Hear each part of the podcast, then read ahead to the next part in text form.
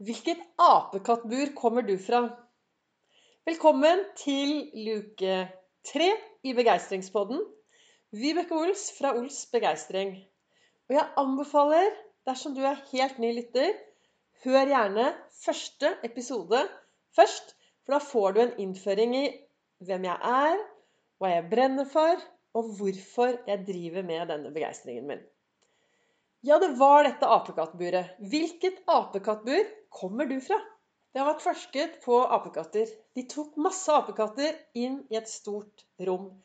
I taket så hang det bananer og masse esker på gulvet. Og når disse apekattene kom inn, så var de kjempesultne.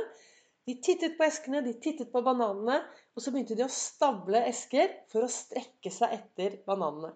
I det øyeblikket de strakk seg og traff, fikk tak i bananen, så ble de spylt med iskaldt vann og trakk seg tilbake. Ny dag. Sultne apekatter inn i buret, bananer i taket, kasse på gulvet. Og hva gjør de? Jo da, de stabler kasser for å strekke seg opp etter disse bananene. Og så blir de spylt med kaldt vann en gang til. Dette skjer dag etter dag etter dag etter dag. Og plutselig en dag, etter sånn ca. Ja, tre uker, så kommer disse sultne apekattene inn i buret. De titter på bananene, de titter på kassene, og så setter de seg ned. Så begynner de å skifte ut apekatter. Det kommer en helt ny, sulten apekatt inn i buret. Han titter, han ser bananene, han ser kassene, og han begynner å stable. Hva skjer da? Jo, han blir advart av de andre apekattene. Hvis du stabler disse, og strekker deg etter bananer, så får du kaldt vann i hodet. Ja, ja, tenker han apekatten. Setter seg ned og hører på de som er igjen. Så etter en stund har de skiftet ut alle apekattene, og plutselig en dag så kommer det en gjeng med sultne apekatter inn i dette svære buret. Og hva gjør de? Jo, de ser jo de fine, flotte, knall gule bananene som henger i taket. De ser de store kassene. De er sultne, men hva gjør de? De setter seg ned på gulvet uten å begynne å jobbe for å få tak i bananene. Og hva er det jeg skal frem til med denne historien? Jo, vi mennesker kommer jo fra noen apekattmur, vi også. Jeg er helt sikker på at du som hører på meg, du har dine troer, dine sannheter, de tingene du gjør. Kanskje mye av det ut fra hva du har blitt fortalt. Kanskje hva du har lest eller sett eller fått med deg uten at du selv har erfart det.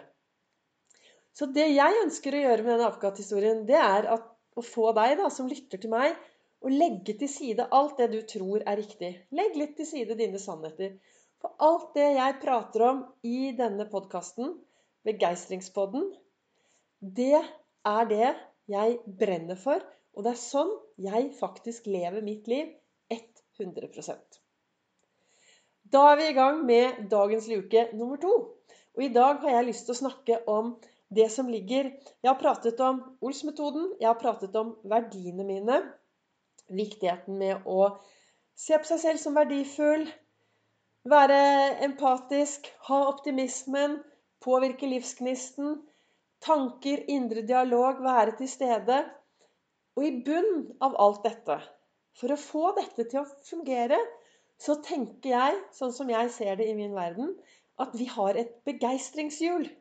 Begeistringshjulet ligger i bunn. Og når det triller, når du får en balanse i det hjulet, så er det enklere å oppnå mer av det du ønsker i din hverdag. Jeg har jo snakket om viktigheten av å være bevisst, for faktisk å få en balanse. Og denne balansen skaper bevegelse. Og hva er det dette balansehjulet Hva er det du prater om nå, Vibeke? Jo, balansehjulet består av seks deler. Den ene delen er vann. Hvor mye vann drikker du? Får du i deg nok vann hver eneste dag? Vann er noe vi virkelig trenger. Masse, masse, masse. Det er kjempeviktig. Og vi er ganske heldige i dette landet som faktisk bare kan ta et stort glass Gå bort til springen, sette på kaldt vann og drikke vann direkte fra springen. Det er noe å være takknemlighet for, det.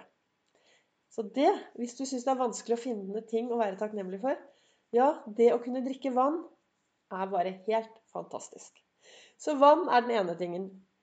Så er det søvn. Hvor mye sover du? Det blir sagt at vi skal sove mellom syv og åtte timer i døgnet om natten. Er du en av de som blir sittende plutselig til langt på natt og se på serier og Netflix og sosiale medier, og vops, plutselig så blir det bare fire-fem timers søvn? Det hender, Jeg jobber jo også i, eh, i SAS på Gardermoen. Og det hender av og til at jeg begynner veldig veldig tidlig om morgenen. Og det er ofte på lørdag morgen. Så er jeg veldig opptatt av å få med meg det fine, hyggelige som er på TV på fredag kveld. Og hva gjør jeg da? Jo, da hender det at det blir veldig få timer. Men det går jo an å lure dette topplokket, da. Jeg har sagt det tidligere at eh, denne hjernen vår skjønner veldig liten forskjell på hva som er fantasi, og hva som er virkelighet. Og hva tenker du? Når jeg går og legger meg, plutselig så ser jeg på klokken at jeg bare får fem timers søvn. Det kan jo stresse litt. Da kan jeg jo lure topplokket, da. Og så sier jeg at uh, fem timer Ja, men det blir ti gode halvtimer, det, Vibeke. Du kommer til å være uthvilt. Så sånn bruker jeg ord for å påvirke meg selv. Dette ord og tanker og hvordan vi kan bruke det, det kommer jeg tilbake til i en helt egen luke litt senere. Akkurat nå så er det denne søvnen. Det er klart at å sove på halvtimer, det kan være utfordrende.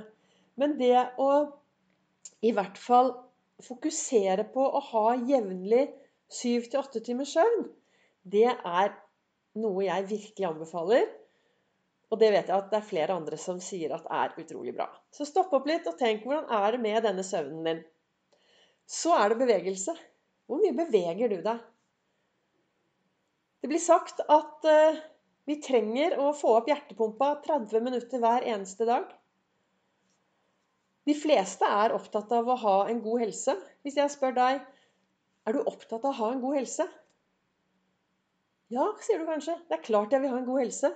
Ja, det som er at Da trenger vi faktisk å investere i denne helsen i dag. Og 30 minutter bevegelse hver eneste dag, det vil påvirke deg. Og det vil også påvirke det mellom ørene. Og hvis du vil lære enda mer om viktigheten av både bevegelse og hva som skjer mellom ørene, så anbefaler jeg deg en eh, annen podkast som heter Hjernesterk, med Mats Kaggestad og Ole Petter Gjelle, hvor de snakker veldig mye om bevegelse og kosthold og alt det som er viktig for at vi skal fungere i hverdagen. Men når det gjelder da bevegelse Når du er ute og beveger deg, så påvirker det toppen. Og det blir til og med sagt at hjernen vår vokser når vi beveger oss. Så hvordan er det? Er du flink til å komme deg ut på tur? Er du en som gjerne skulle gå litt mer tur? Så vil jeg anbefale deg å ta 15 minutter ut i den store verden hver eneste dag. For hva skjer når du har gått 15 minutter? Vel, når du går tilbake igjen, så har du faktisk gått 30. Og vips, så har du fått den lille kvoten som vi trenger.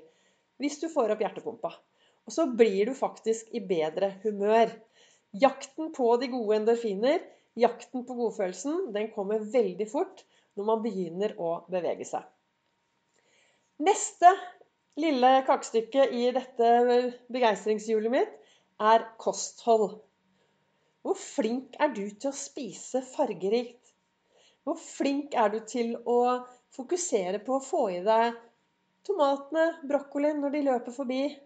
Hvor bevisst er du å ha et ålreit, sunt kosthold? Ja, hva er et sunt kosthold, da? For meg, og da kan vi referere til dette apekattmuret Nå snakker jeg om hva jeg tenker er bra, og hva jeg opplever er bra i min verden.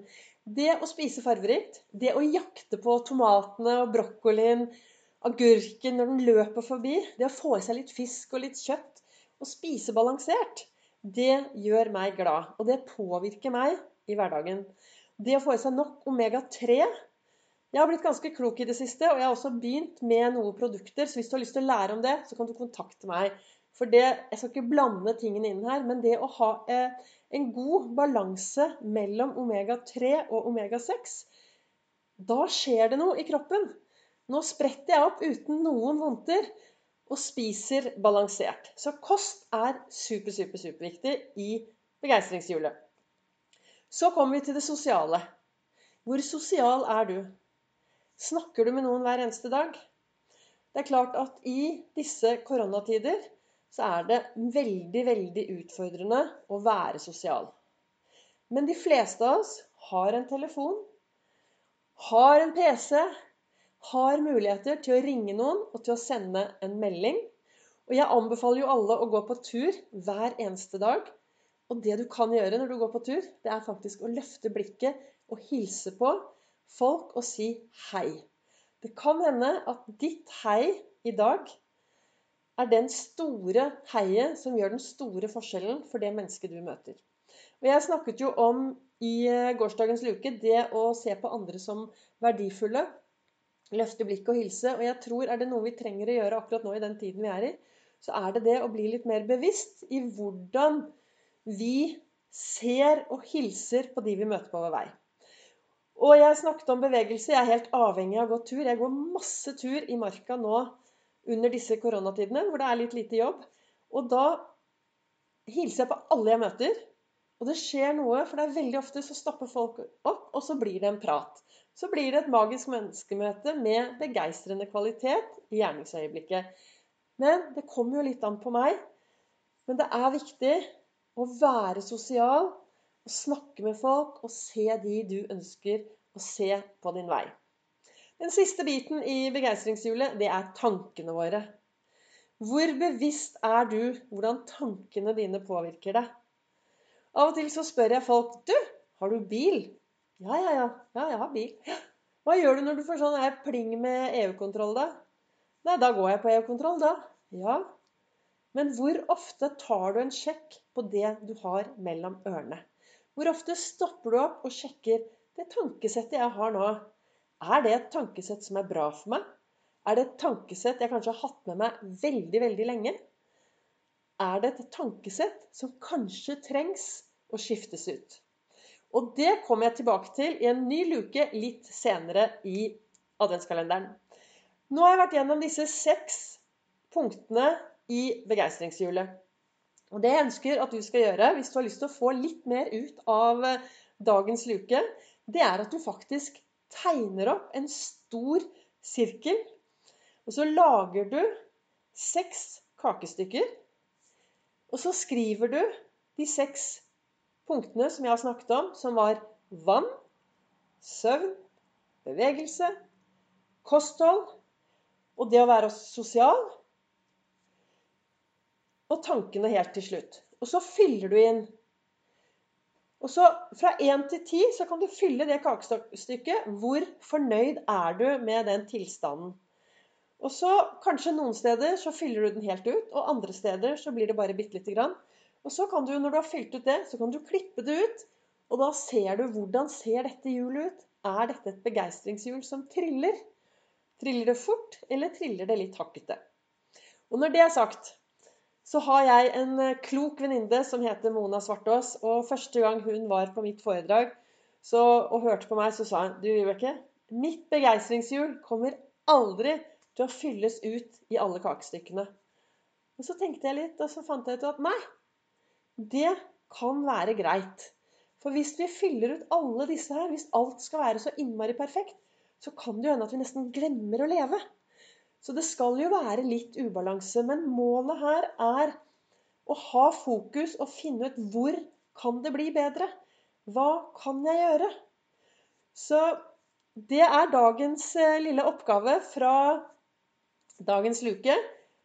Tegn et hjul, fyll ut, og finn ut hvordan ditt begeistringshjul triller.